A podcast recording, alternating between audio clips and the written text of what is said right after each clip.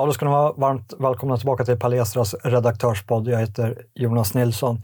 I det här eh, avsnittet ska vi kika lite närmare på Israel och Palestina-kriget.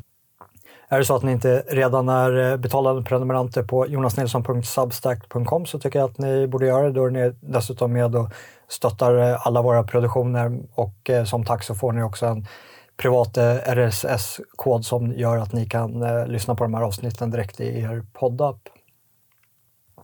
Och eh, är det någonting som vi kan ta med oss från den här eh, Israel-Palestina-konflikten eller Israel-Palestina-kriget så är det just det att eh, mångkultur inte fungerar i den, det avseende som eh, mångkulturförespråkarna gör gällande. Eh, vi ser att eh, när grupper försöker främja deras eh, intressen så kommer det ske många gånger på grund, inte i samförstånd med andra grupper utan snarare på bekostnad av andra grupper. Vi ser i lokalsamhället i, i Sverige till exempel med Södertälje-nätverket över hur de dominerar det lokala livet.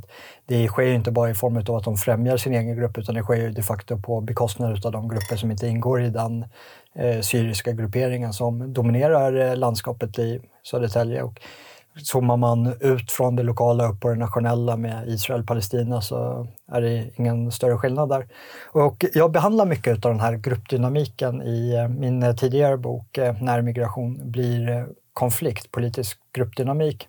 Boken finns att köpa på logik.se för er som ännu inte har läst den. Och, den är, vill man sätta sig in i varför migration och mångkultur är problematiskt Eh, bortom de ekonomiska förklaringsmodellerna eller de kulturella eller religiösa förklaringsmodellerna som brukar oftast ligga till grund för samhällsdebatten, så, går jag, så berör jag knappt det utan jag går djupare in på ämnet över vad det är som konstituerar en grupp och eh, hur arbetar grupper för att främja de här intressena och eh, hur uppstår de här intressekonflikterna som har då sin basis på den här identiteten då som utgör gruppen och eh, hela den eskalationsprocessen som i dess slutskede är vad vi ser i Israel-Palestina, alltså krig.